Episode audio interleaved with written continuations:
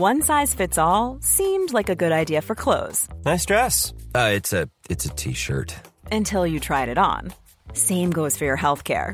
That's why United Healthcare offers a variety of flexible, budget friendly coverage for medical, vision, dental, and more. So, whether you're between jobs, coming off a parent's plan, or even missed open enrollment, you can find the plan that fits you best. Find out more about United Healthcare coverage at uh1.com. That's uh1.com. There's never been a faster or easier way to start your weight loss journey than with PlushCare. PlushCare accepts most insurance plans and gives you online access to board-certified physicians who can prescribe FDA-approved weight loss medications like Wigovi and Zepbound for those who qualify. Take charge of your health and speak with a board-certified physician about a weight loss plan that's right for you. Get started today at plushcare.com slash weight loss. That's plushcare.com slash weight loss. plushcare.com slash weight loss. Burrow is a furniture company known for timeless design and thoughtful construction and free shipping, and that extends to their outdoor collection. Their outdoor furniture is built to withstand the elements, featuring rust-proof stainless steel hardware, weather-ready teak, and quick-dry foam cushions. For Memorial Day, get 15% off your Burrow purchase at burrow.com slash ACAST and up to 25% off outdoor. That's up to 25% off outdoor furniture at burrow.com slash ACAST. Kriminalkrøniken. En true crime-podkast hvor autentiske kriminalsaker fra Norge og resten av Norden fortelles med politiets egne ord. Advarsel. Denne podkasten inneholder sterke skildringer som kan virke støtende for noen. Denne podkasten er ikke egnet for barn. En grusom trippelmorder, episode to. Denne episoden er bygget på en tekst av visekriminalinspektør Nils Kjøller i danske Hvidovre.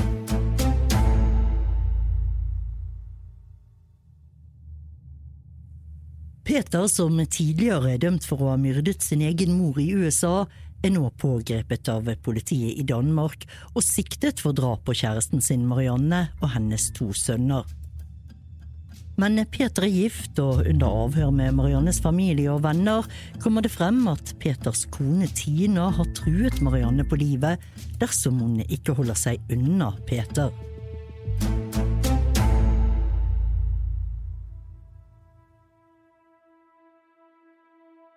Med bakgrunn i trusselet Tina skulle ha kommet med i brevene til Marianne, ble hun pågrepet 4. juli. Etter ransaking av leiligheten hennes ble hun brakt inn til politistasjonen i Vidovre til nærmere avhør. Tina innrømmet å ha skrevet brevene, men nektet for å ha vært truende. Brevene ble aldri funnet, og denne siktelsen mot henne ble senere frafalt. I avhør fortalte Tina om sitt forhold til Peter. Etter at han hadde flyttet inn hos henne, utviklet han et voldsomt temperament som kulminerte i et overfall på henne og datteren.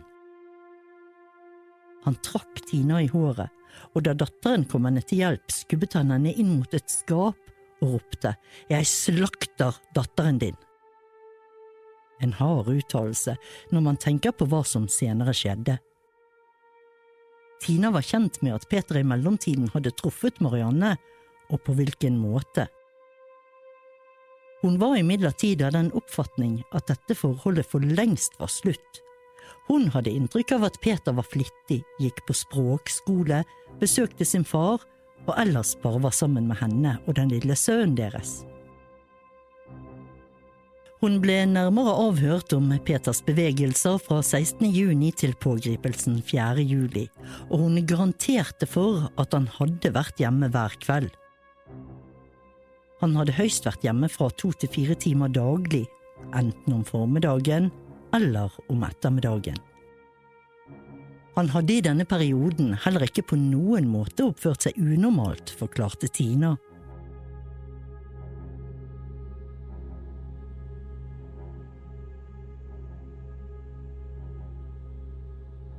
Møtet i forhørsretten ble berammet til 5. juli klokken 16.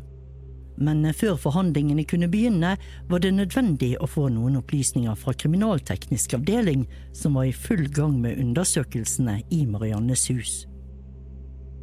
De kunne meddele at man på matten i bagasjerommet i bilen til Marianne hadde funnet blodspor og enkelte 20–25 cm lange lyse hår. I kjelleren i huset ble det videre funnet blodstenk som klart tydet på at noe hadde skjedd.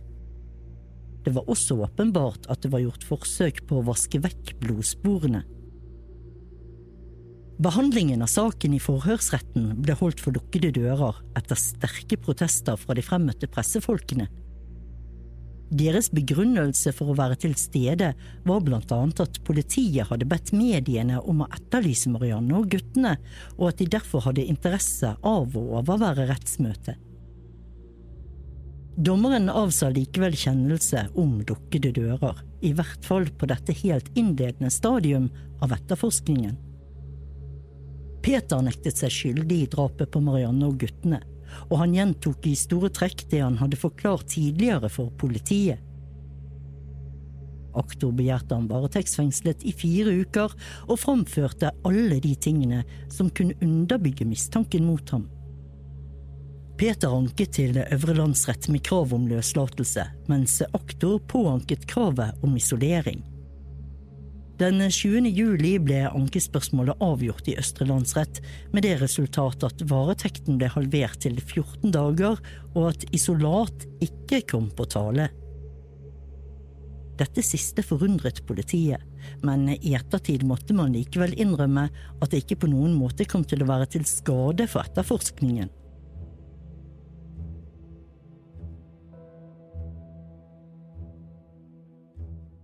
Ved avhøret i nabolaget til Marianne kom det frem at Ole Lundin, faren til Peter, i ukene etter 16. juni flere ganger var sett ved huset sammen med sønnen.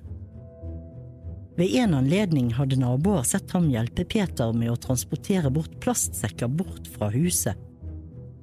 I bopelen til Ole Lundin fant politiet et TV-apparat som var forsvunnet fra huset til Marianne. Ole Lundin ble derfor pågrepet 10. juli, siktet for å ha medvirket til drapet på Marianne og guttene. Han ble også siktet for etterfølgende tyveri fra huset. Ole Lundin nektet seg skyldig i begge siktelsene. Bopelen hans i Hellerup ble siden ransaket med assistanse fra kriminalteknisk avdeling. Og her ble det funnet mange interessante ting som senere fikk stor betydning. Det viste seg at Ole Lundin var i besittelse av nøkler både til Mariannes bil og til huset der hun bodde. På skrivebordet fant politiet en plastpose med Mariannes førerkort, sykeforsikring og bilens registreringskort.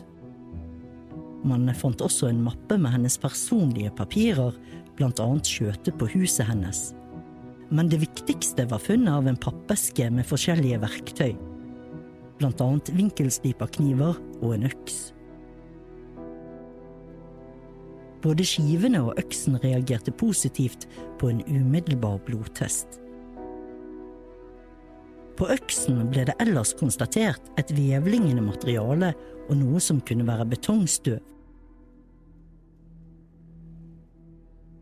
Utover dette ble det også funnet mange effekter som ikke direkte kunne brukes som bevis i drapssaken, men som var stjålet fra huset. Ole Lundin ble varetektsfengslet, men kun mistenkt for tyveri. Dommeren mente at det ikke var begrunnet mistanke om medvirkning til drap. Han ble siden dømt til fengsel i fire måneder for tyveri.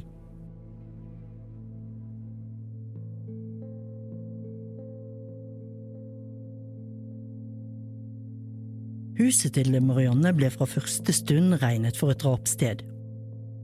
Det ble derfor underlagt grundige undersøkelser. Det ble delt i tre soner. Første etasje, kjelleren og garasjen med uthus som alle ble gjennomgått i minste detalj.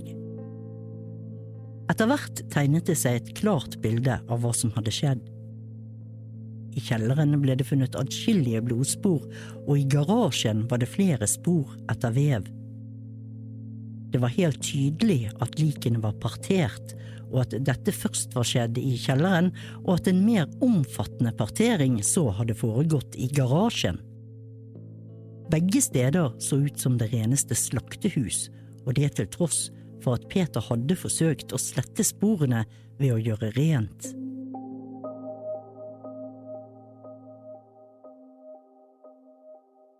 Folkene fra kriminalteknisk avdeling kunne ut fra sporene og resten av vev som ble funnet, konstatere at det var brukt vinkelsliper.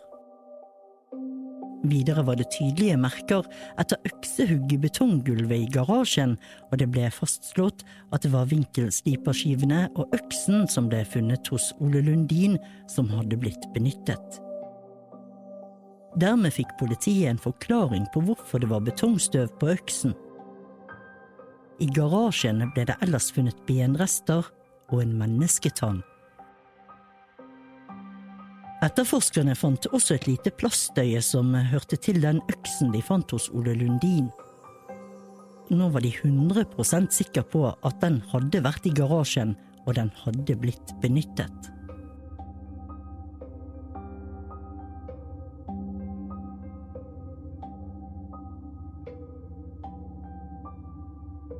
Det var på mange måter en atypisk sak. Man hadde gjerningsmannen allerede fra starten. I tillegg var det funnet så mange biologiske spor at bevisene rikelig var til stede. Det særpregede var fremgangsmåten, og spesielt grovheten. Her sto man overfor en særdeles kynisk, iskald, upåvirket forbryter. Ikke på noe tidspunkt viste han anger. Det atypiske var også at man helt fra starten av siktet Peter for å ha drept Marianne og guttene, samtidig som man for sikkerhets skyld måtte gå ut i pressen og etterlyse dem som savnet. Parallelt med de tekniske undersøkelsene på åstedet foretok politiet en kartlegging av Peters bevegelser fra 16. juni til pågripelsen 4. juli. I den forbindelse fant man ut at han hadde gjort innkjøp i metrobutikken ved å benytte kundekortet til Mariannes tidligere mann. Han hadde også kjøpt masser av skurepulver, forskjellige rengjøringsmidler, plastsekker, gummihansker, kniver og mer. Statens seriumsinstitutt lå inne med blodprøver av begge guttene, og amtssykehuset i Glostrup hadde en vevsprøve av Marianne. Politiet fikk rettens kjennelse om at dette materialet kunne utleveres. Dette var meget avgjørende, da man ellers ikke kunne fordele de mange hundre biologiske spor på hver enkelt drepte. I tillegg til dette fikk politiet også rettens tillatelse til å innhente opplysninger om alle interessante telefonsamtaler i saken.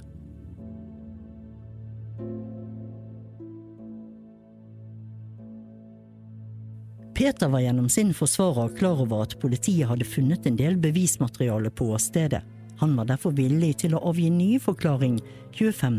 og 26. juli. Han fortalte da at natten mellom 16. og 17. juni hadde oppstått en krangel mellom han og Marianne. Årsaken var at Marianne ville fotografere guttene og bruke bildene i pornografisk øyemed, noe Peter ikke ville være med på. Denne forklaringen gikk han senere bort fra, og den hørtes da heller ikke særlig sannsynlig ut i politiets ører. Hans videre forklaringer gikk ut på at han på et tidspunkt var alene i stuen mens Marianne og guttene var nede i kjelleren. Plutselig hørte han et skrik der nede fra, og han gikk for å se hva som var på ferde. Han fant da guttene liggende på gulvet, drept med en kniv av Marianne. Hun lå ved siden av nærmest bevisstløs på grunn av kraftig morfininntak. Han slo henne, men ikke hardt, fordi hun hadde drept guttene. Kort etter døde hun. Han fortalte at hendelsen hadde funnet sted i kjellerstuen, og at det var blod overalt. Det viste seg senere at det ikke ble funnet blod i dette rommet, så den forklaringen holdt ikke i lengden. Han fortalte videre at han bar guttene ut i badekaret og spylte dem rene for blod. Deretter la han et teppe over Marianne og lot henne ligge på gulvet i kjellerstuen. Han festet så den første lappen på ytterdøren og kjørte hjem til Tina.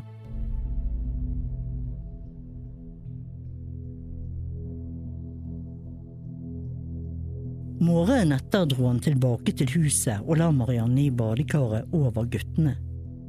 Peter rundet av avhøret med å fortelle at han senere parterte likene i små stykker og la de i 35 plastsekker.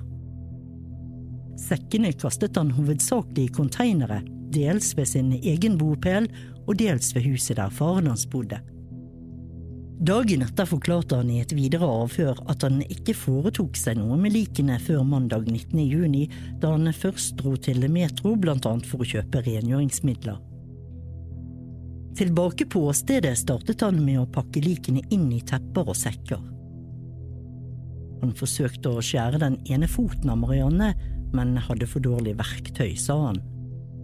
Siden la han likdelet på toalettet i kjelleren, hvoretter han forsøkte å vaske vekk alle blodspor. Den 20. juni kjørte han igjen til Metro. Der kjøpte han flere sekker rengjøringsmidler og en øks. Tilbake i huset fjernet han alle bløtdeler på likene, og så bar han dem opp i garasjen, der han ville partere dem i mindre stykker. For å holde ut røykte han hasj hele tiden, for det begynte etter hvert å lukte ganske forferdelig. I garasjen brukte han hovedsakelig øksen, han forsøkte også å partere ved hjelp av en vinkelsliper, men det gikk ikke så bra. Under avhøret ble Peter spurt ut om hvorfor han ikke kontaktet politiet da han etter egen forklaring hevdet at han ikke sto bak drapene. Han forklarte da at han ikke torde på grunn av saken med moren hans, han fryktet at han ikke ville bli trodd.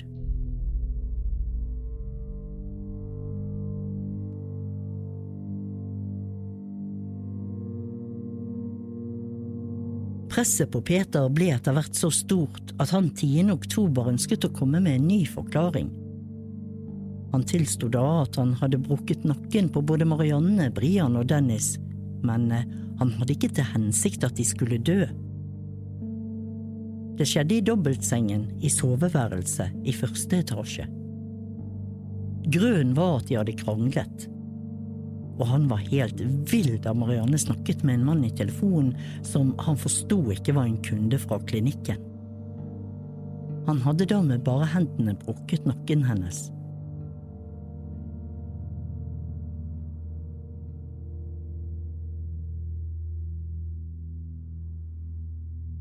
Etter at de kom hjem fra skolefesten, ville han ha sex med Marianne, men hun avviste ham. Hun hadde drukket en del i løpet av kvelden og satt nå og røykte hasj. Guttene hadde gått inn på rommet sitt og lå og sov. Det at Marianne snakket så innsmigrende på telefonen, gjorde han sjalu. Han ropte til henne at han visste at det ikke var en kunde, og så løp han inn til guttene og spurte dem om det hadde vært en annen mann der. Guttene ble redde, og Marianne kom inn til dem. De fortsatte krangel, og Peter innrømmet at han ble rasende. Det endte med direkte slagsmål mellom de to, og de landet i dobbeltsengen, der han tok et kraftig tak og brakk nakken på henne. Hun ble liggende livløs mens det blødde fra munnen hennes. Guttene forsøkte å komme moren til hjelp, Dennis grep fatt i det lange håret til Peter, men han rev seg løs og brakk nakken på gutten på samme måte. Imens lå Brian på kne ved siden av Marianne og skrek mor, mor. Peter tok fatt i ham og drepte ham på samme måte.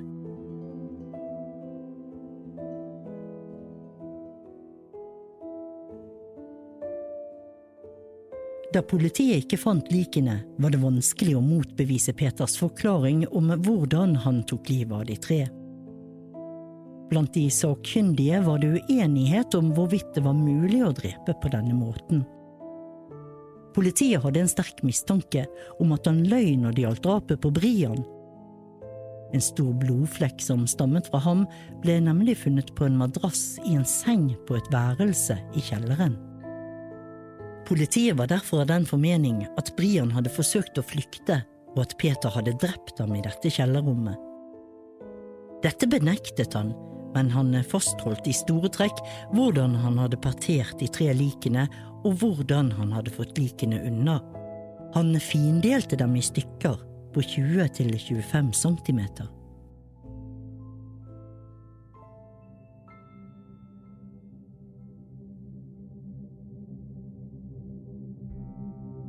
Enkelte i politiet mente at Peter også løy med hensyn til hvordan han hadde fått likdeler av veien. Han ønsket på ingen måte at de skulle bli funnet på grunn av deres tilstand.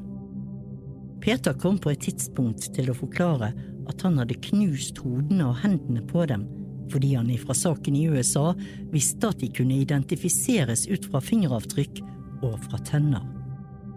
Han hadde vanskelig for å forklare hvordan han gikk frem under drapene, og han sa seg derfor villig til å gå med på en rekonstruering som fant sted i parolesal på politistasjonen etter at man hadde innhentet tillatelse fra statsadvokaten. Politiet fikk låne en dukke i full legemstørrelse, og det ble lagt et teppe på gulvet for å illustrere omrisset av dobbeltsengen. Det var fullstendig sjokkerende å se hvor ivrig Peter ble. Han nærmest kastet seg over dukken og rev hodet av den. Man fikk satt det på igjen, og han ble bedt om å dempe seg litt. Han viste først hvordan han med den ene armen tok fatt om Mariannes hals bakfra, og med den andre hånden med et rykk brekket hodet hennes bakover.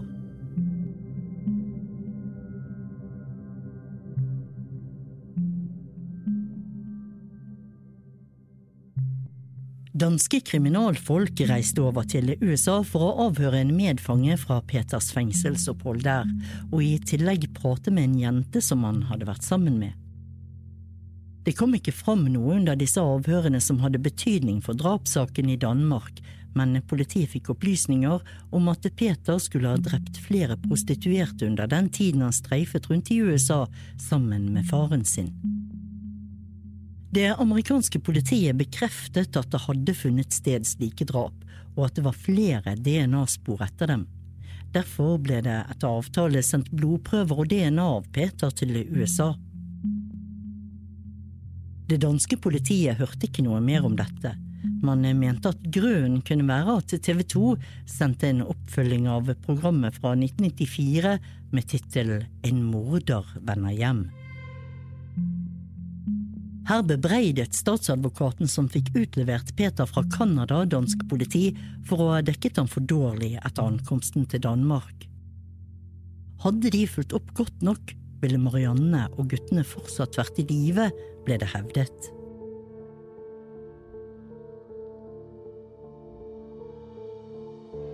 Politiet satte inn store ressurser på å finne de drepte. Dette var viktig av flere årsaker, for det første for å fastslå med sikkerhet at de virkelig var drept, men også for om mulig å finne ut hvordan det var skjedd. Her hadde politiet mer eller mindre vært tvunget til å godta Peters forklaring. Man ville også finne dem, slik at familiene kunne foreta en bisettelse og på den måten få en slags avslutning på saken. Det var gjennom vitneforklaringer kommet frem at Peter hadde vært svært interessert i å få vite hvordan man ble kvitt avfall.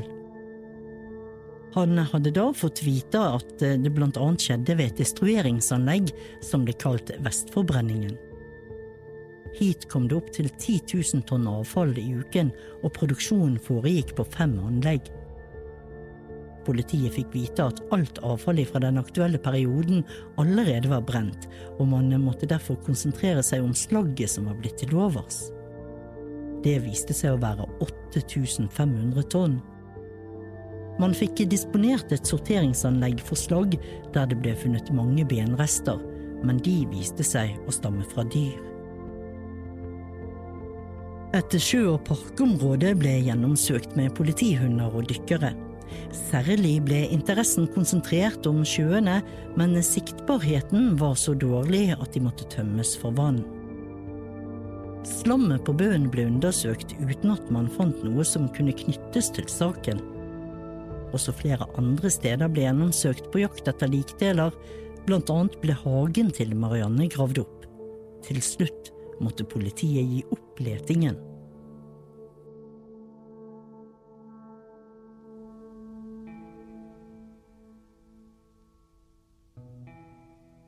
Da Peter ble varetektsfengslet, ble han plassert i Roskilde arrest.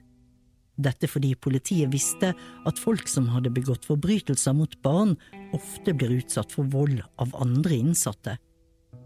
Man valgte et arresthus hvor det ikke var så mange innsatte som i Vestre fengsel, der han normalt skulle ha vært plassert. Det oppsto likevel rykter om at innsatte i Roskilde arrest gikk med planer om å overfalle Peter, og han ble derfor overført til statsfengselet i Vridløse Lille. Her var det et større antall ansatte, som man regnet med at de ville ha bedre mulighet for å passe på at det ikke skjedde noe. Allerede dagen etter, under kondisjonstrening, ble Peter overfalt av flere fanger og slått med en jernstang slik at han brakk nesen. Peter ble mentalundersøkt, og her het det at han ikke var sinnssyk, og at han heller ikke var det i gjerningsøyeblikket. Han ble karakterisert som normalt begavet, men at det var overveiende sannsynlig at han helt ifra puberteten hadde utvist betydelige tegn på atferdsforstyrrelser, hvilket medførte at han kom i konflikt med alminnelige normer.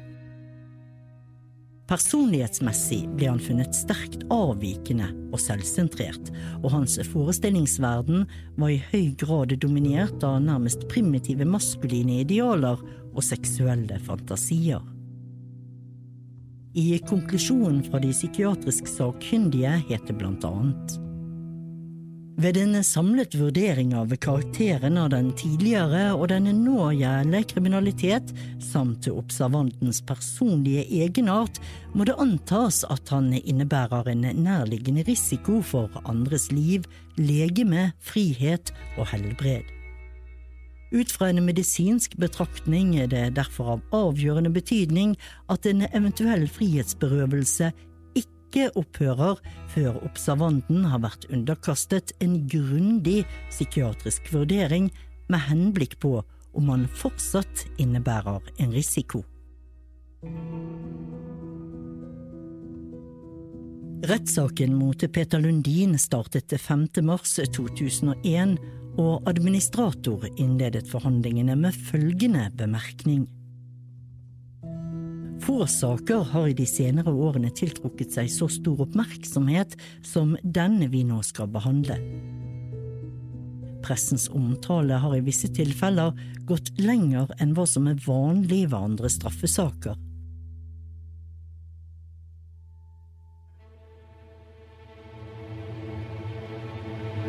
Rettens formann kom videre inn på det betenkelige i den påvirkning dommere og domsmenn hadde vært utsatt for og sa henvendt til domsmennene. De må ved deres senere avgjørelse i saken ikke ta hensyn til noe som de ikke har fått opplyst her i rettssalen. De skal se bort fra alt de tidligere har fått vite gjennom TV, radio osv., og, og de skal ikke ta hensyn til hva de måtte få høre utenfor rettssalen under den tiden rettsforhandlingene pågår.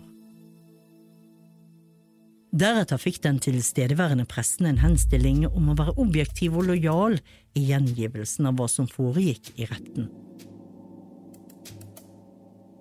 Peter måtte gjennom en forklaring som varte i to dager. Der fastholdt han at han ikke hadde til hensikt å drepe Marianne og guttene. Deretter gikk man over til avhør av en rekke vitner. Peter ble dømt skyldig i forsettlig drap, for usømmelig behandling av likene og for tyveri. Statsadvokaten la ned påstand om livsvarig fengsel, men forsvareren gikk inn for en tidsbestemt straff. Resultatet ble at Peter ble idømt fengsel på livstid. Du har hørt En grusom trippelmorder, episode to. Bygget på en tekst av visekriminalinspektør Nils Kjøller i danske Hvidovre. Forteller var Marianne Moe. Produsenter var Tia Dahl og Marianne Moe. For flere podkaster se radiometro.no slash podkast.